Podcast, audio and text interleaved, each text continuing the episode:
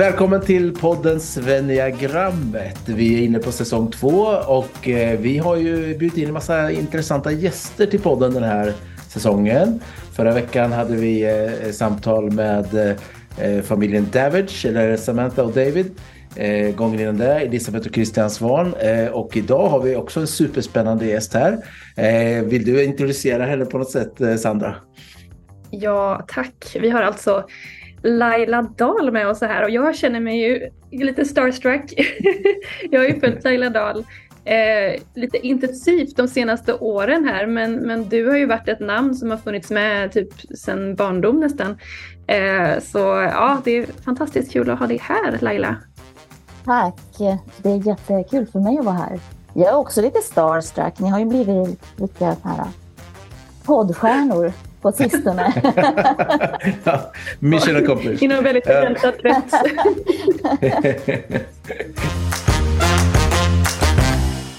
ja, jag vet liksom inte ens var jag ska börja, hur man presenterar dig, för du har så många strängar på din lyra. Um, men i grunden är du sångerska, right? Eller du får berätta själv helt enkelt. Jag ska inte lägga orden i din mun. Ja, Ja, du skrev ju här så fint, berätta lite om din livsresa. så, så jag tänkte, okej, okay, var börjar jag någonstans?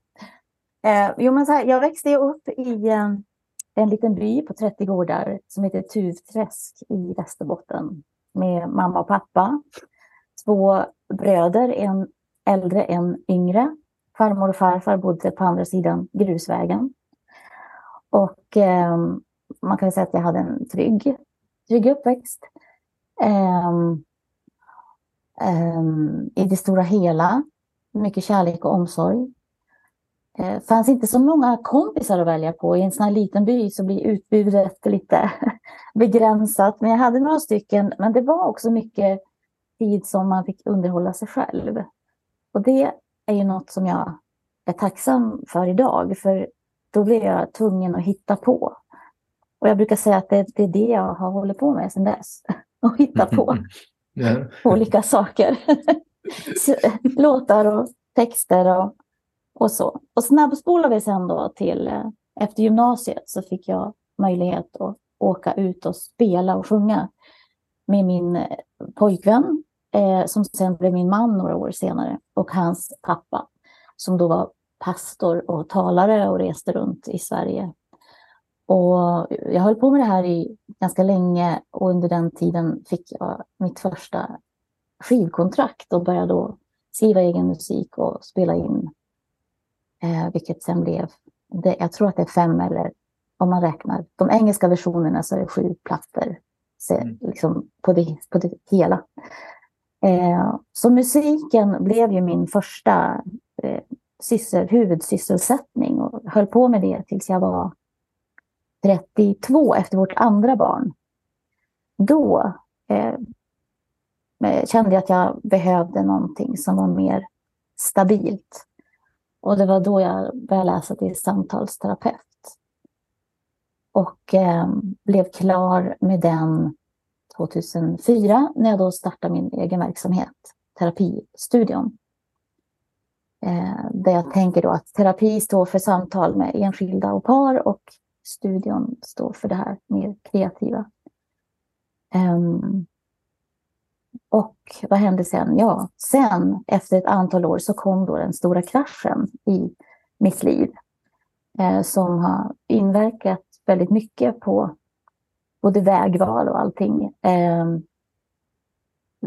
min man, dåvarande man, berättade då att han hade fått barn med en annan kvinna.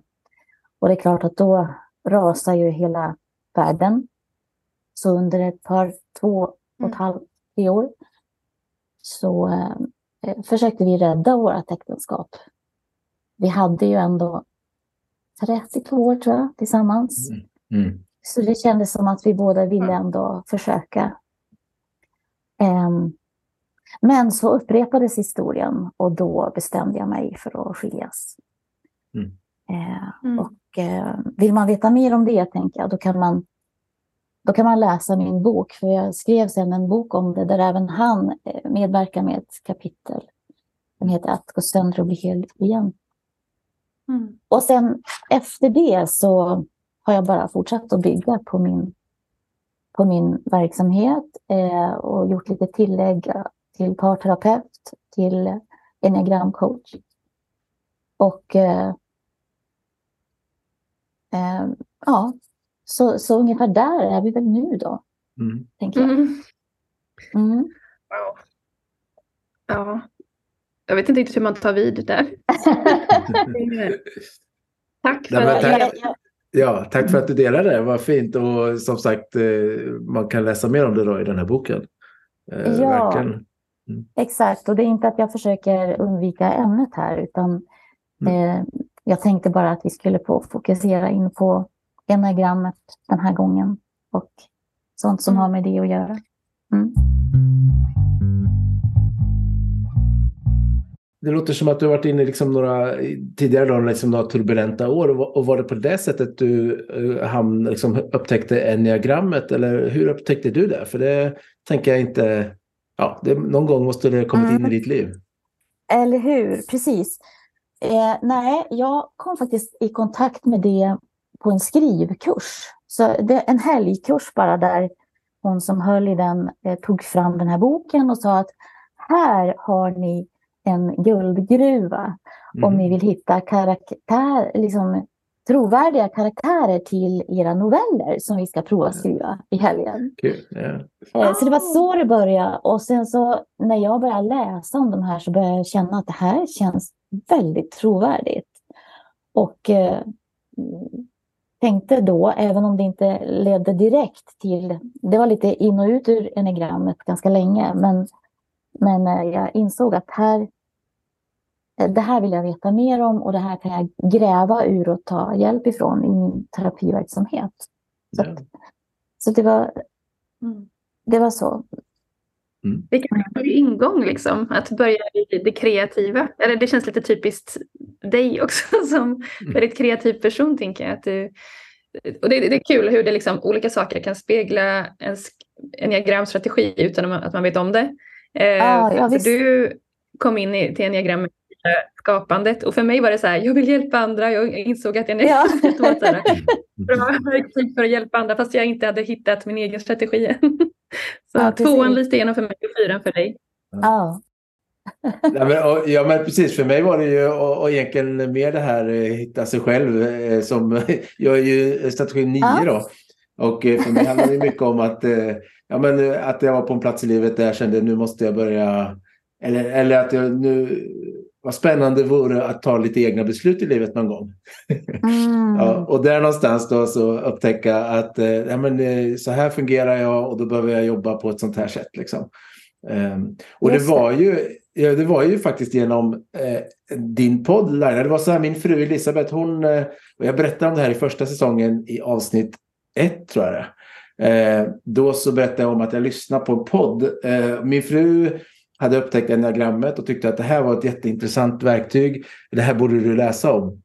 Och jag gjorde ju som, som alla äkta män gjorde, att jag försökte att inte äh, liksom säga det har ni nog rätt i. Utan istället i, så liksom i lönndom så tjuvlyssnade jag på massa poddar om enneagrammet. Eh, och eh, jag satt i bilen och körde in till jobbet eh, och lyssnade. Och då lyssnade jag på ditt, din podd. Eh, Laila och just om min strategi då, strategi 9. Eh, och jag varit liksom så, eh, jag berättar mer om det i det här avsnittet på säsong 1, men, men att eh, jag varit liksom så tagen av att det var så avslöjande på ett obehagligt mm. sätt, men också så mm. otroligt, eh, jag har aldrig hört någon beskriva mig på ett bättre, både positivt och negativt sätt. Liksom.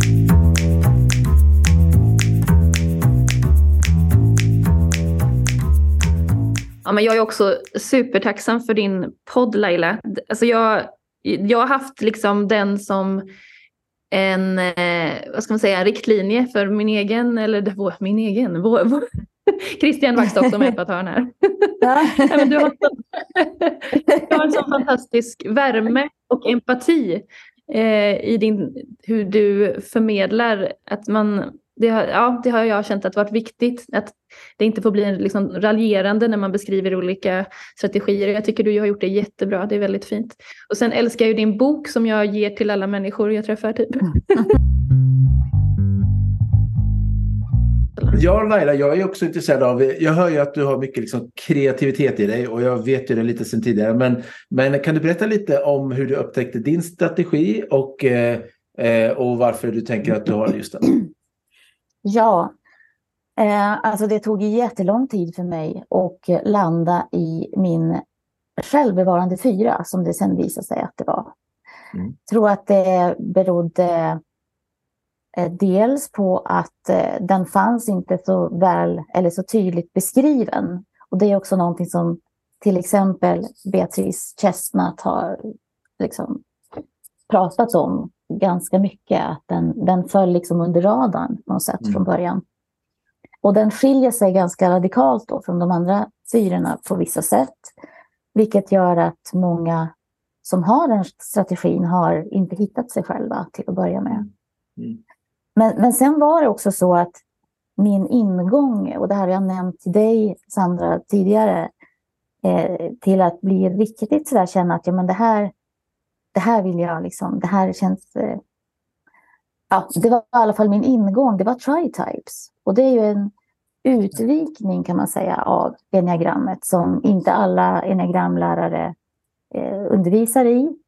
Eh, i USA som alltid där är mycket större. Men eh, där utgår man från att eh, eh, fortfarande från grundstrategin och allt det här med stöd och pilar åt olika håll, vingarna, undertyperna, eh, centren, allt det där. Men man tittar dessutom då på vilken strategi som man relaterar till mest i varje center. Så både i tankecentret, känslocentret och det fysiska centret. Mm. Och den kombination som man då får av det, det blir din tri-type. Så jag mm. hittar min tri-type först, vilket då var 4, 7, 9. Och sen utifrån det så har jag då eh, kunnat hitta fram till den självbevarande fyran som grundstrategi. Och man kan säga, bara så att man förstår eh, tänket bakom. Så man kan säga att det är som att man är på ett skepp. Och grundstrategin på skeppet är, är kaptenen. Det är kaptenen som bestämmer vart vi ska. Det är kaptenen som har sista ordet när det verkligen gäller. Men det finns också andra passagerare på det här skeppet och det är då dels de andra övriga strategierna, men, men, men närmast då och då hittar jag på här bara, jag kan inte ens namnen på ett skepp, men vi ser en matros och en kock typ. Och, matrosen och kocken, de mm. har, de har mycket att säga till om. Så de kan också infiltrera och påverka den kaptenen i, ibland i vissa beslut. Eller, alltså det, finns, det är som att den färgar hela, i mitt fall, fyran.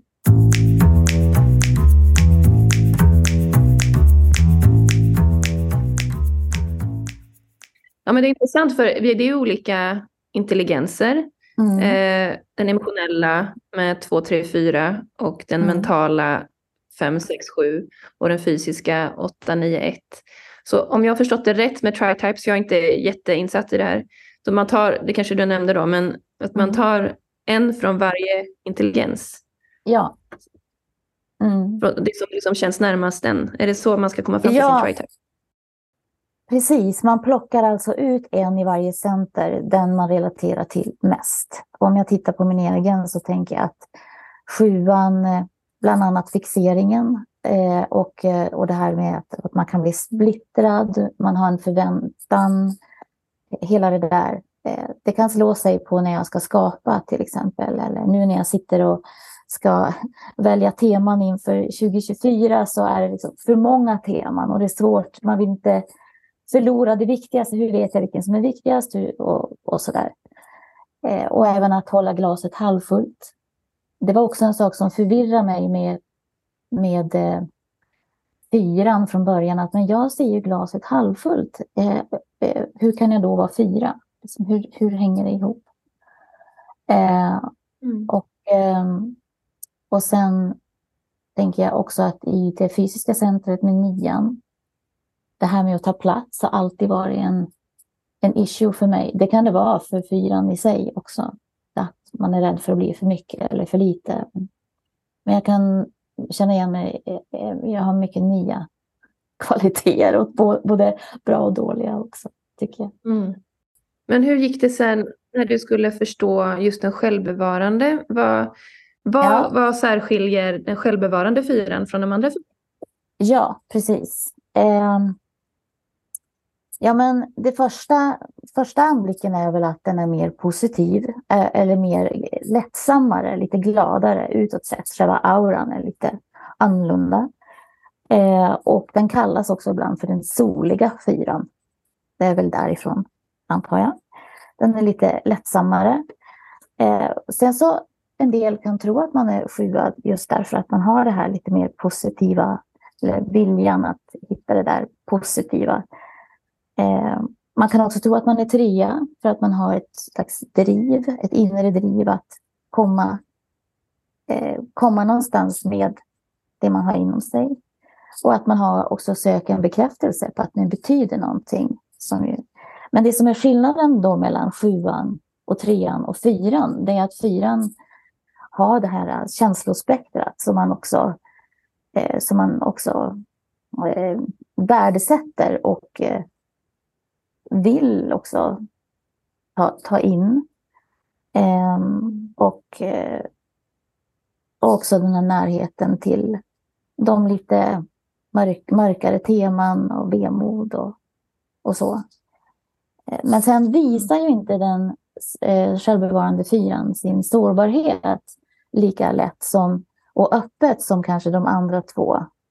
Om man tänker att den intima fyran den söker bekräftelse lite mer tydligt genom att ändra sticka ut eller vara liksom mer på och intensiv. Eh, mm. Och eh, den sociala fyran kan liksom dra in människor i sitt liv, i sin värld, i sina problem, sina känslor. Mm och på så vis få uppmärksamhet. Medan den självbevarande då är lite mer hemlig. Man brukar säga att den är mer reserverad eh, eller kontrollerad. Eh, och mm. eh, den mest introverta fyran, sägs det. Mm. Sen, sen, brukar man nämna ett, ett mm. ord på engelska Intressant. som är grit. och det betyder ju någon form av uthållighet. Mm. eller eh, tålighet. Och liksom att man inte ger upp så lätt. Och det här handlar då främst om när det liksom är svårt i livet. Inte, inte kanske när det, datorn krånglar eller sådär. Mm. Där har jag noll tålamod. Men, men, men jag kan ju se att, att eh, in, när jag var mitt uppe i den här krisen som ju sträckte sig över flera år, så hade jag, nu när jag ser tillbaka, en, en, en enorm uthållighet. Och ibland tänker jag så här, hur, hur kunde jag? Hur kunde jag? Liksom, hur, hur gjorde jag egentligen? Jo, men undermedvetet kan man då säga att den självbevarande fyran eh, kan också försöka förtjäna sitt värde genom att eh, bära mm. andras eller hela världens bördor på, på sina axlar. Att man, att man har någon illusion om att om jag lider med dig eh, så, så kan jag liksom, då, då blir mitt liv meningsfullt. Eller om jag förlåter det här, då kommer han aldrig att tvivla på min kärlek.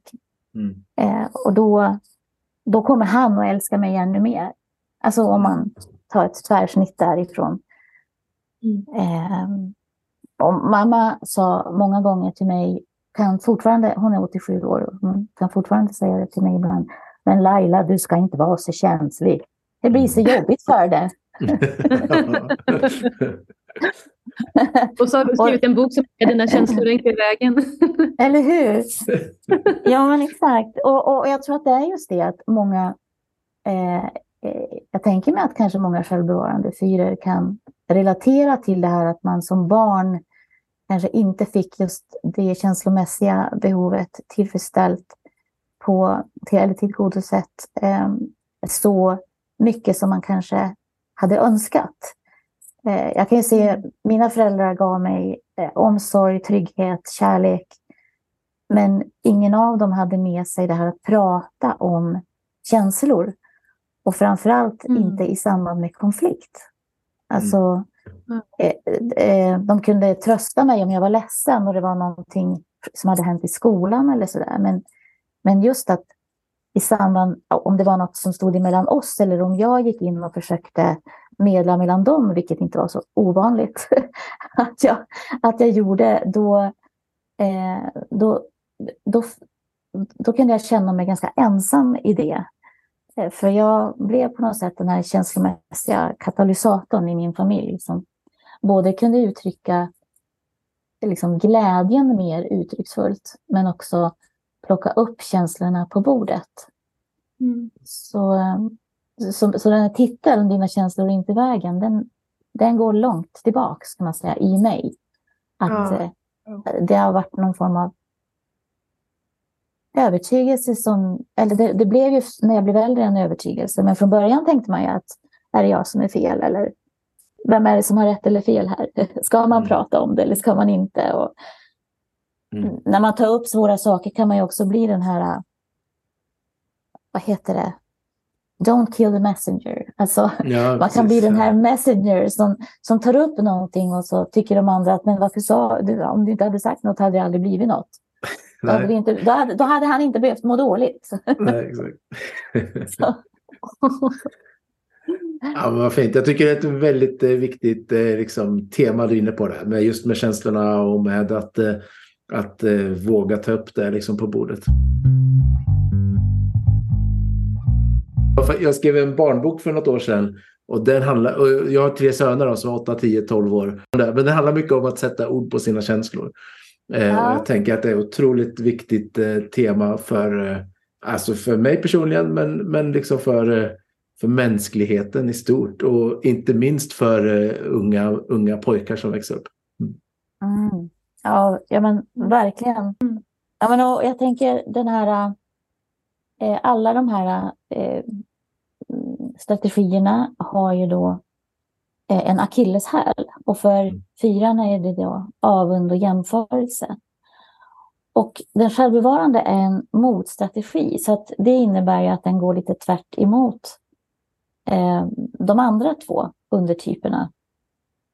Eh, och i synnerhet kring akilleshälen. Mm. Eh, så att det, det, den självbevarande gör att, att istället då för att låta sig slås ner eh, Även om det kan börja så, men att slås ner eller, eller få ett ont öga liksom, till den som har det där som man också vill ha, så använder man den här eh, avunden till som, som en språngbräda eller som en drivkraft till att försöka förverkliga det här i sitt, i sitt eget liv. Eh, och, eh, det kan ju också bli fel, därför det, man får ju också fråga sig då, är det här någonting som jag verkligen, är, är det från ett verkligt behov? Någonting som jag verkligen vill och ska göra? Eller fick jag bara för mig nu att åh, jag blir liksom bländad av det här fantastiska som den här personen gör och då måste jag göra det också.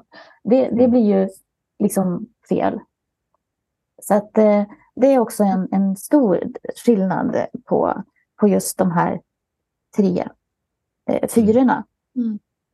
Jag, jag måste komma ihåg och lägga in det jag hörde bara för några dagar sedan. Anders Hansen, han som eh, forskar om hjärnan och, och det här. Och då pratade han just om avund och, eh, och sa att avunden har vi fått, tror man inom forskningen, troligen för att man inte ska, alltså som grottmänniskor då, att vi inte skulle trilla för långt ner i hierarkin. För trillar man för långt ner så kan mm. man falla utanför och bli utesluten eller uppäten eller så. Ja. så. Så, man behöver liksom hålla sig lite framme. Eh, och därför mm. så då ska man ju med, för, liksom med, med fördel se, när man känner någonting, att man vill någonting, att man hellre tittar på det med nyfikenhet. Liksom. Vad väckte det här i mig? Vad är, vad är, och, och liksom först och främst, är det här någonting som jag vill? Ja, men då får jag inte sitta och tycka synd om mig själv, utan då får jag liksom Kom igen nu Laila. Eh, vill du det här, då gör du någonting åt saken.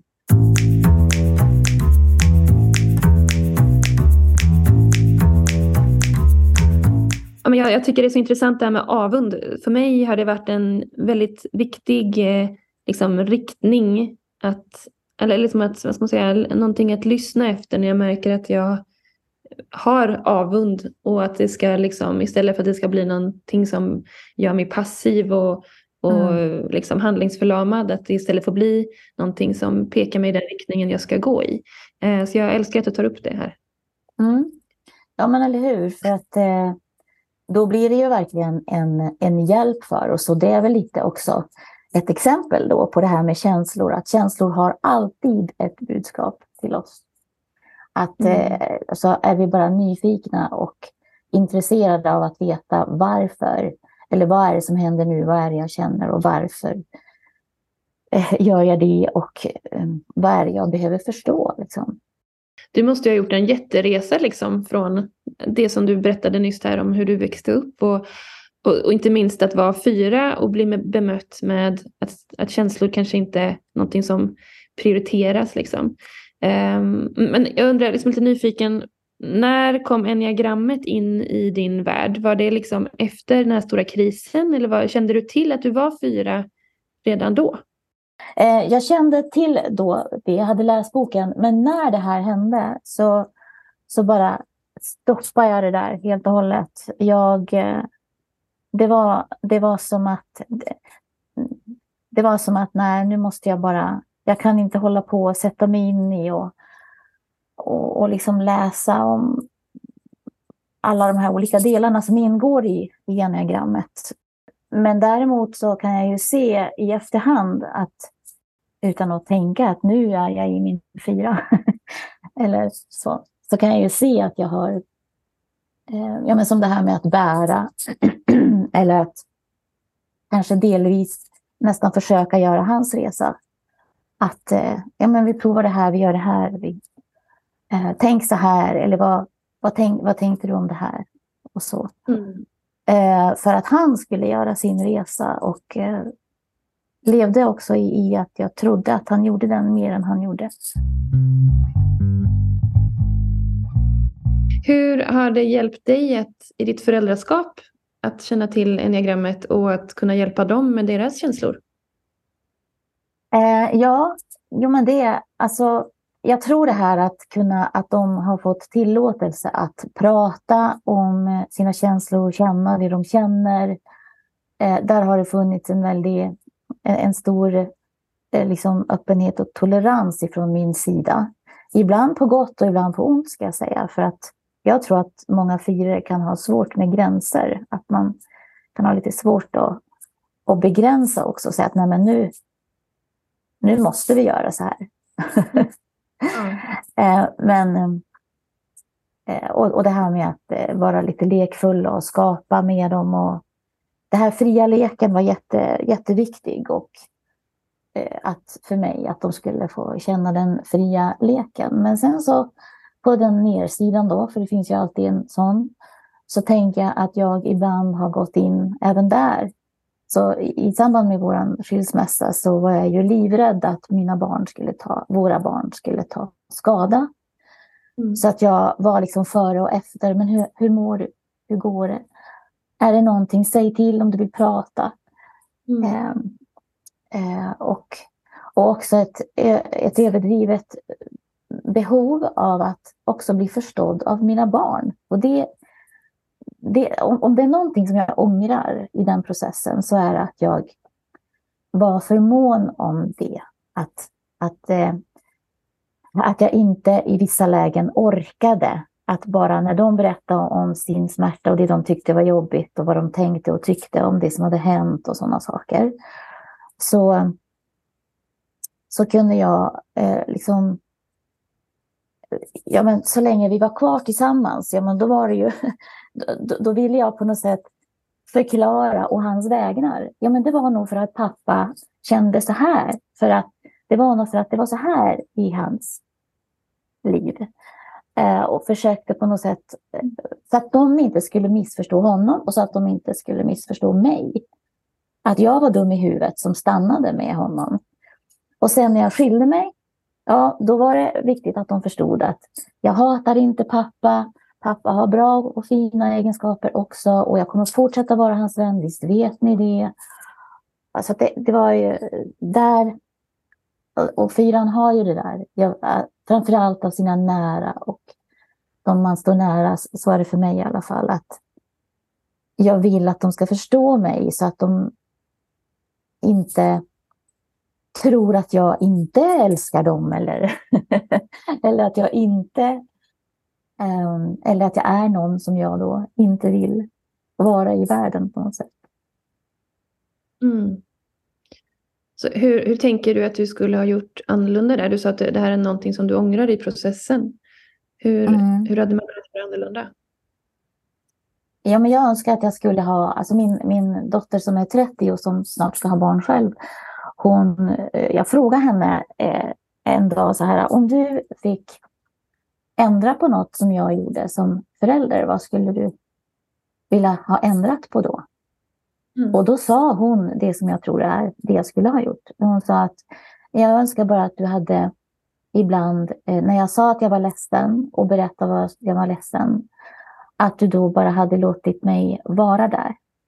Och inte liksom eh, frågat upp eh, så mycket eller liksom fortsatt, utan att du skulle bara ha lämnat mig där en stund. Eller att jag ibland fick komma till dig. Men du kom så pass ofta så jag behövde aldrig komma till dig.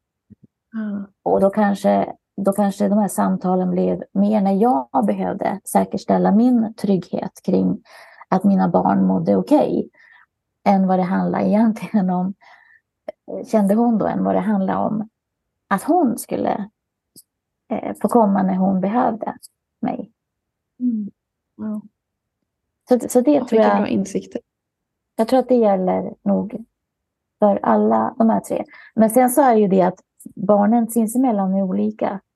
Eh, så att eh, de, man kan ju inte heller säga rakt av att så ska ni göra med era barn, för barn är olika. Mina är definitivt tre. Det är en som inte vill prata så mycket, eh, han som är yngst som är 18, han vill inte prata så mycket om känslor överhuvudtaget i nuläget, inte så där djupgående i alla fall.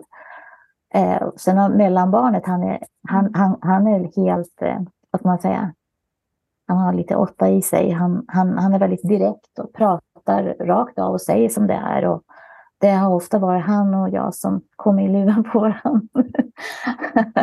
och, eh, och sen då dottern då som, som gärna vill smälta saker innan hon innan hon liksom svarar på frågan hur hon mår.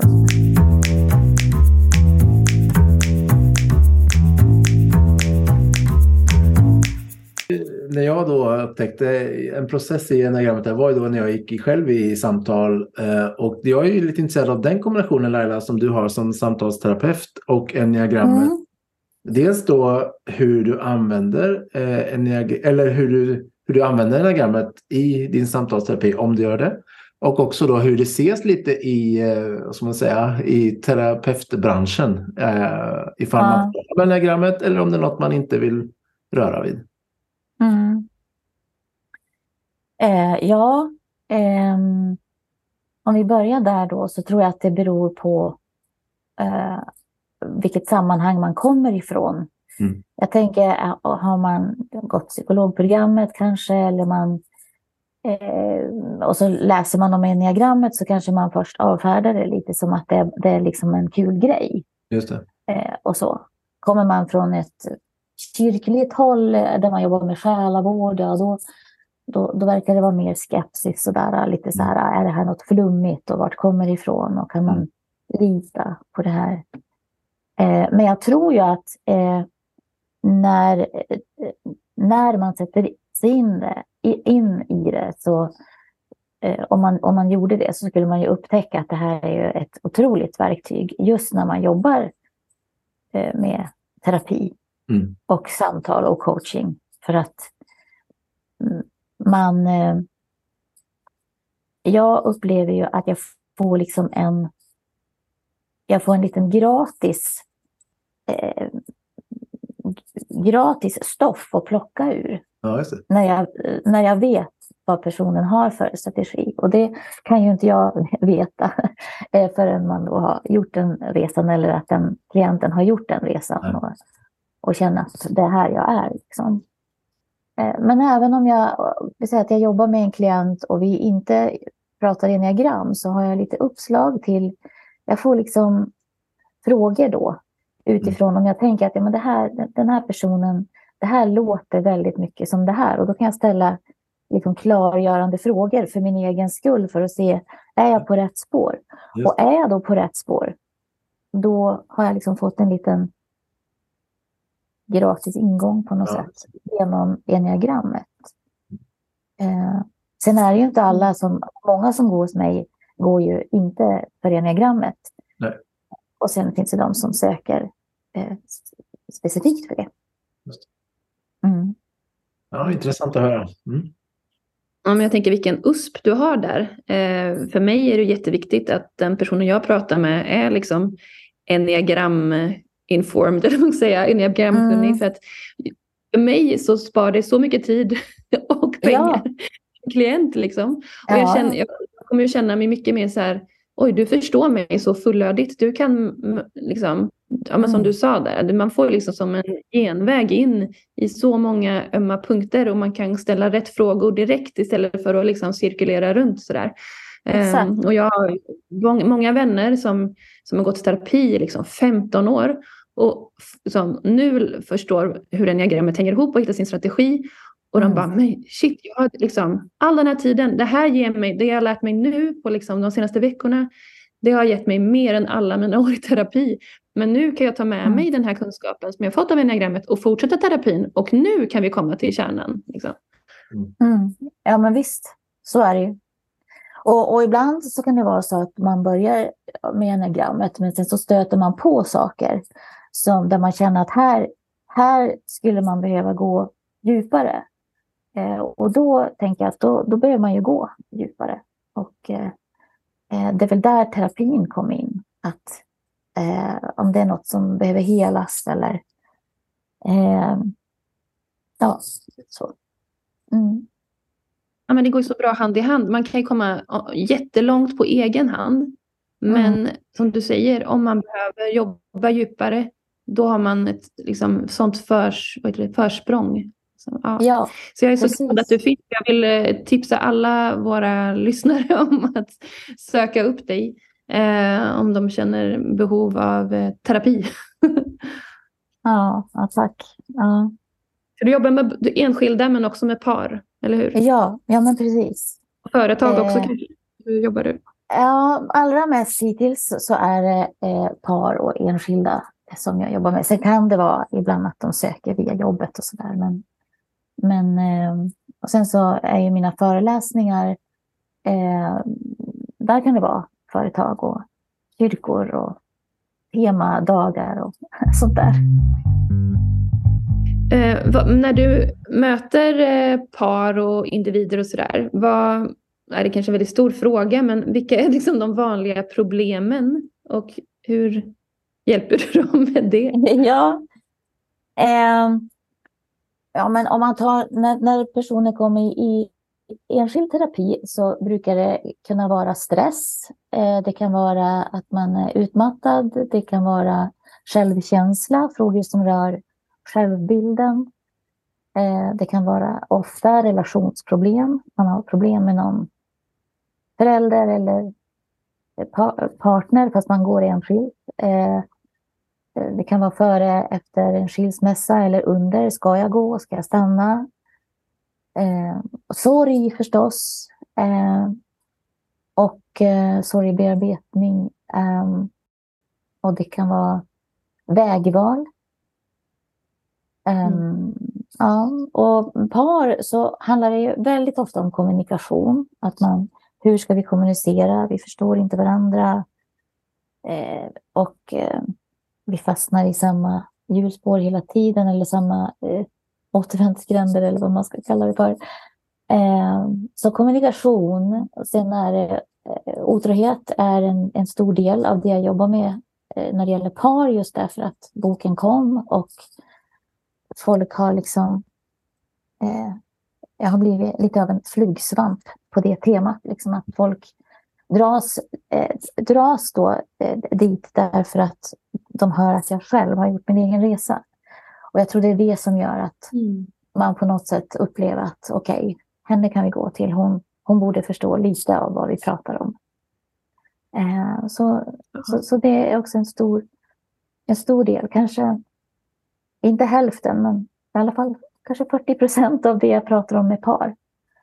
Sen är det ju underbart att prata mm. med par om det som jag kallar för att friskvårda sin kärleksrelation. Och eh, mm. det var ett par som kom för, för ganska många år sedan, ett ungt par som precis skulle gifta sig och som sa, som sa att ja, vi har inga pro problem, men vi, vi vill inte ha några heller, så vi undrar hur ska vi göra för att inte hamna i kris. Mm. Eh, och, eh, och, och jag tyckte det var så fantastiskt och sen dess så försöker jag att promota det lite grann. Och 2024 så kommer jag också att föreläsa om det eh, som ett mm. tema. Eh, för att eh, tyvärr är det ju så att eh, en hel del av de som kommer kommer för sent. Alltså de kommer, nu menar jag inte, man, nu ska man inte tänka då, sitta där hemma och tänka att det är nog för sent. Men med för sent så menar jag om den ena redan har bestämt sig för att gå. Eller redan har egentligen själsligen gått. Eh, så att, eh, att, att ta hjälp tidigt. Eller se det som att vi vill, precis som att vi skickar in bilen på service eller vi vi på håret så, så vill vi, vill vi liksom vårda vår relation. Och eh, ta hand om den. Liksom. Eh, så det, det är också ett stort tema. Om det kommer, om vi tänker att det är, det är lyssnare som lyssnar på det här och som eh, är i en situation där det finns risk för otrohet eller att det redan har skett. Liksom. Mm. Har du något råd att ge? Det känns jättestor fråga. ja, det är en jättestor fråga. Jag tänker att det är flera frågor igen där. Eh, och det, det, är olika förhållningssätt till de olika. För att eh, är det så att du bara är misstänkt på att det är, att det är någonting som händer, ja, då är det ju kommunikation och då gäller det att våga vara modig. För det finns en hel del som säger, som säger att jag vågar inte fråga. Jag, jag vågar inte för jag är så rädd att, att, att det ska vara något. Så att det krävs ett enormt mod och då får man jobba med det. Liksom. Vill du leva i ovisshet? Och det är också ett val. Alltså, man får göra så. Det är ingen som kan bestämma. Men, men eller vill du se med öppna ögon och, eh, och, och, och liksom ha, ta sanningen rakt upp och ner som den är och sen ta det därifrån. Är det så att man eh, redan har fått det här beskedet så tycker jag att det första, för det, det är så många saker i det här så att eh, det är liksom tar för lång tid. Men, men jag tänker att det första eh, är att inte ha för bråttom. Alltså för bråttom att säga jag vill aldrig se dig mer, jag stänger dörren, svarar inte på telefonen och det där. Eh, eller du får inte gå, du får inte gå, vi bestämmer att vi ska vara tillsammans och, vi, och så pratar man lite och så säger man vi kan inte prata något mer om det här för då, vi, vi, då kommer vi att skiljas utan vi, vi bestämmer att vi börjar bara från ett, från ett vitt papper helt enkelt. Vi, vi liksom viker in backspegeln alltså. Eh, mm. Utan att man skyndar sig inte där utan man stannar upp, låter det gå lite tid, låter chocken lägga sig Eh, och så återigen måste man ju prata. Mm. Eh, och det kan vara ganska mödosamt för att det finns de som säger hela sanningen på en gång.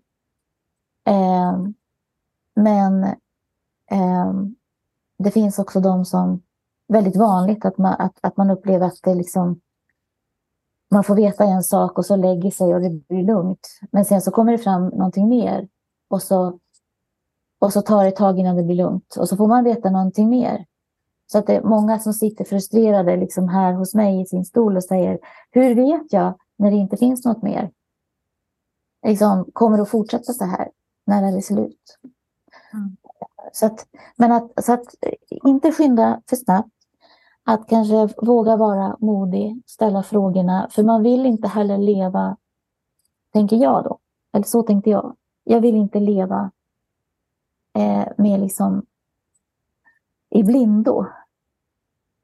Eh, tål inte våran relation sanningens ljus från båda parter, då vill inte jag vara där. Mm. Känner du eh, hopp liksom, när du fin, finns det vägar ut ur otrygghet och det kan bli bra igen? Möter du liksom solskenshistorier? Eh, ja, absolut. Eh, att, eh, jag, jag, skulle inte säga solskenshistorier, för att det, men, men att det kan gå bra och att de kan komma ut på andra sidan, absolut, och må bra. Men det mm. är, liksom ett, det är ett tufft jobb, därför att eh, jag, jag, tror det här med otrohet, det går liksom så djupt in i våra, liksom hela det här anknytningsmönster och allt sånt där. Det liksom går rakt in och eh, relationen är för väldigt många det allra viktigaste i ens liv, liksom det man bygger hela sitt liv runt om. Så att eh, det finns ju ingen quick fix på det. Eh, men de som härdar ut, och jag skulle säga att de som klarar det, det är de där båda två är investerade i att göra sin egen individuella resa också med sig själv. Mm. Där, där, finns det ju många, eh, tycker jag, i intervjuer med även med terapeuter ibland, där, där man säger att ja, det är den enda vägen till, till, till att komma över en sån här sak, det är att den som har blivit sviken eh, kan förlåta så småningom, eller acceptera i alla fall och liksom leva med att det har hänt. Men man pratar ingenting om resan som den andra behöver göra. För, för den andra behöver göra en resa och förstå varför man gjorde det här och förstå sig själv så att man inte eh, liksom riskerar att falla dit igen eller, eller börja med någon annan typ av flykt. För många gånger så är otrohet, tror jag, en flykt från ett inre, ett inre eh, sämre mående. Faktiskt. Mm. Jag tycker det är superintressant hur enneagrammet, hur man kan läsa in det i det här, både om man är den som har blivit sviken eller man är den som är den som har varit otrogen. Mm. Jag tänker bara som du tog upp några exempel här, hur man inte ska agera för fort eller så där. Mm. Mm. Bara de exemplen du tog så har man ju strategier. Så här, ja, men jag tänker sjuan skulle bara, app, app, app, så här, nej men eh, nu springer vi vidare, mm. så här, det här var jobbigt och mm. smärtsamt. Vi, mm. vi blundar för det och så, så låtsas vi att det aldrig har hänt. Eller liksom sexan eller åttan skulle bli liksom väldigt så här, har du svikit mig så finns det ingen väg tillbaka. Liksom, det här mm. är, och, um, ja, du måste ju möta ofta många, in, vad ska man säga, intressant är fel ord, men när du möter par och du möter många olika strategier tänker jag.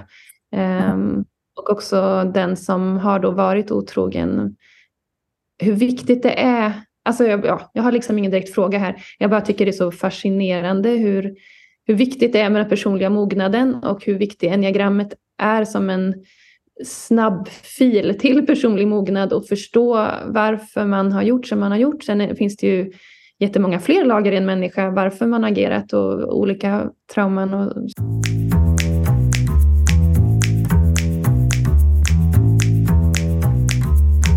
som sitter och lyssnar på det här samtalet nu blir lite mm, eh, vad ska man säga, uppmuntrade eller utmanade att faktiskt ta kontakt med någon terapeut och eh, antingen som par eller själv Eh, och har du något tips Laila om hur man liksom får en sån kontakt och hur, man, eh, hur går man tillväga för att få till ett sånt samtal? Mm. Ja men absolut. Jag, jag tänker att eh, mycket handlar ju om att hitta liksom rätt terapeut. Och det kan man nog många gånger uppleva som en skog verkligen.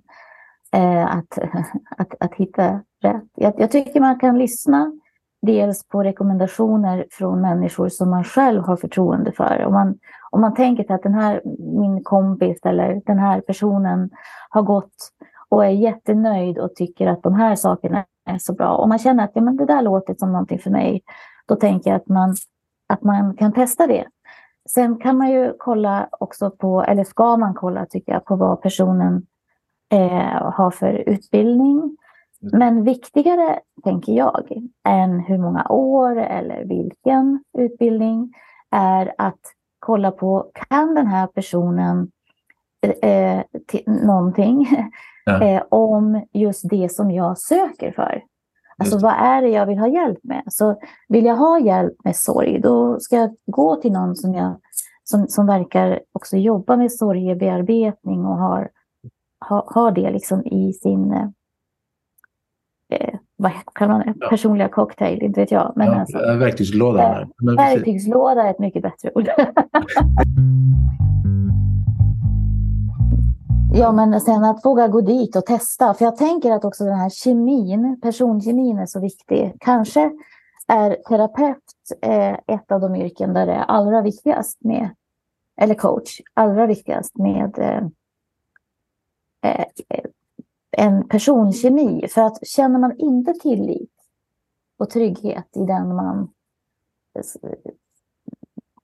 ska prata med, då kommer det inte att funka då blir det inget bra. Då kommer man att... Ja. Utan det ska vara en person som man känner att här kan jag slappna av. Mm. Jag har förtroende för personen. Och eh, den kan det som jag eh, vill ha hjälp med. Mm. Det tänker jag är viktigt. Mm. Ja, bra, bra tips.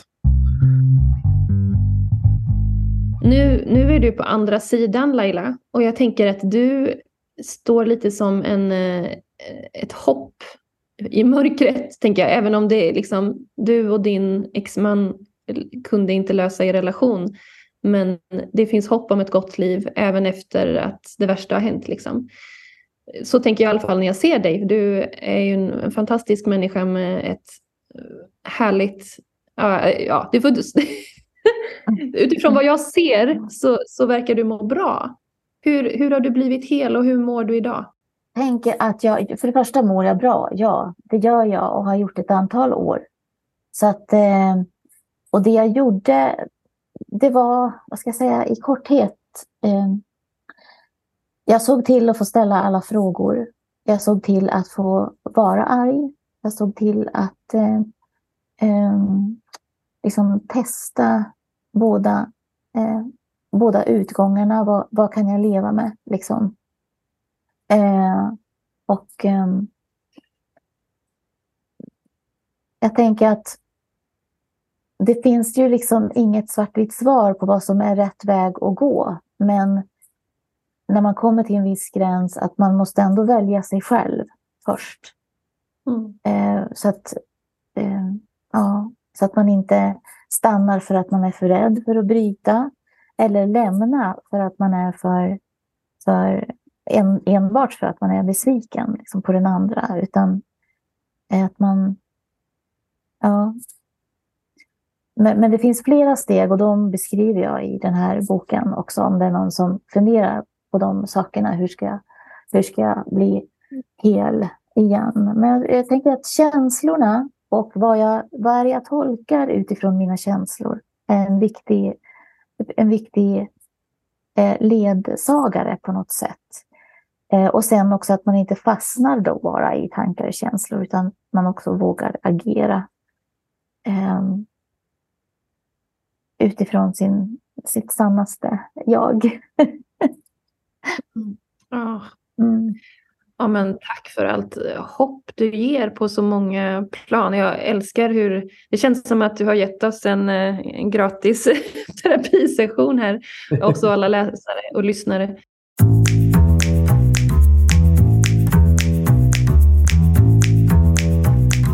Ja, jag vet ju att du har ett julerbjudande på din eh, enneagrambok. Vill du, jag tycker du ska göra lite reklam för den nu, passa på här. Aha, ja just det. Eh, ja, jag skrev på Instagram att, eh, att eh, man får köpa boken för 240 kronor. Lite mindre än någon annanstans. Och sen tänkte jag så här nu då, bara för att du sa det Sandra, att de första fem en, här för de här Sveniagram-lyssnarna. Så de första mm. fem som beställer från och med nu, de får också min första bok som en gratis bonusjul. Wow. Vilken, eh, vilken eh, treat. Vad fint Laila. Nu, nu får ni hugga till här, Sven Grammet-lyssnare. Och vilken bok är det? Inget Det är, det, det är Vad heter din längtan? Mm. Ja! Ja, som är en eh, kombination med små texter och bilder och reflektioner. Sånt där som man kan ha vid sängkanten och ta en kort snutt innan man somnar. Ja, men tusen, tusen tack Laila. Det här känns, jag känner mig rik och stärkt som människa av allt du- du delar och alla verktyg du ger oss. Jätteroligt verkligen. Ja, verkligen. Verkligen kul.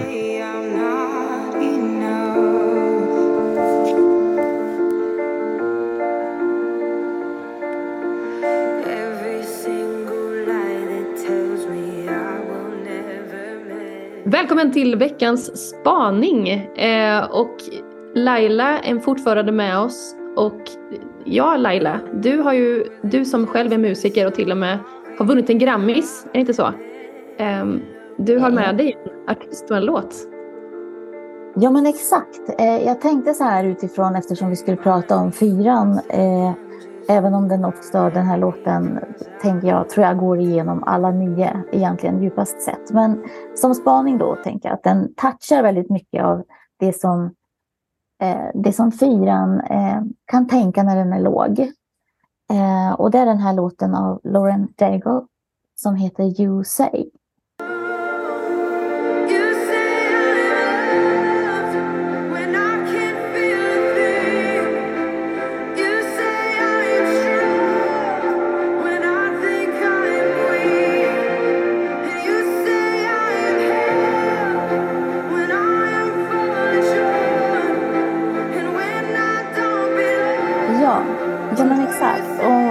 I'm där har I keep fighting voices in my mind that say I'm not enough. Där har vi det här äh, vägandet. Är jag för mycket eller för lite? Uh, am I mm, more than just a sum of every high and every low? Kan vara känslorna som går upp och ner eller hur väl man ty- tycker att man lyckas leva, leva ut den man är. Um, remind me once again just who I am because I need to know. Det är också väldigt det här id- identiteten, sökandet efter vem är jag egentligen? Och sen så kommer då You say I am loved when I can't feel a thing. You say I am strong when I think I am weak. You say I am held when I am falling short. When I don't belong. Här har vi också ett fyra tema tänker jag. Att man, man vill höra till. Man vill vara unik men man vill ändå höra till.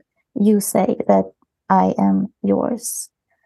Ehm, och jag tror så här att om man eh, ju mer man lutar sig in i den tanken till vad man nu tror på, om man tror på en gud eller om man tror på ett högre själv eller vad det är. Men att man lutar sig in i att, att, att eh, oavsett i varje high eller varje low så är jag ändå liksom held, hållen av en större kärlek. Och det är egentligen där vår sanna identitet. Ah, jag får gåshud.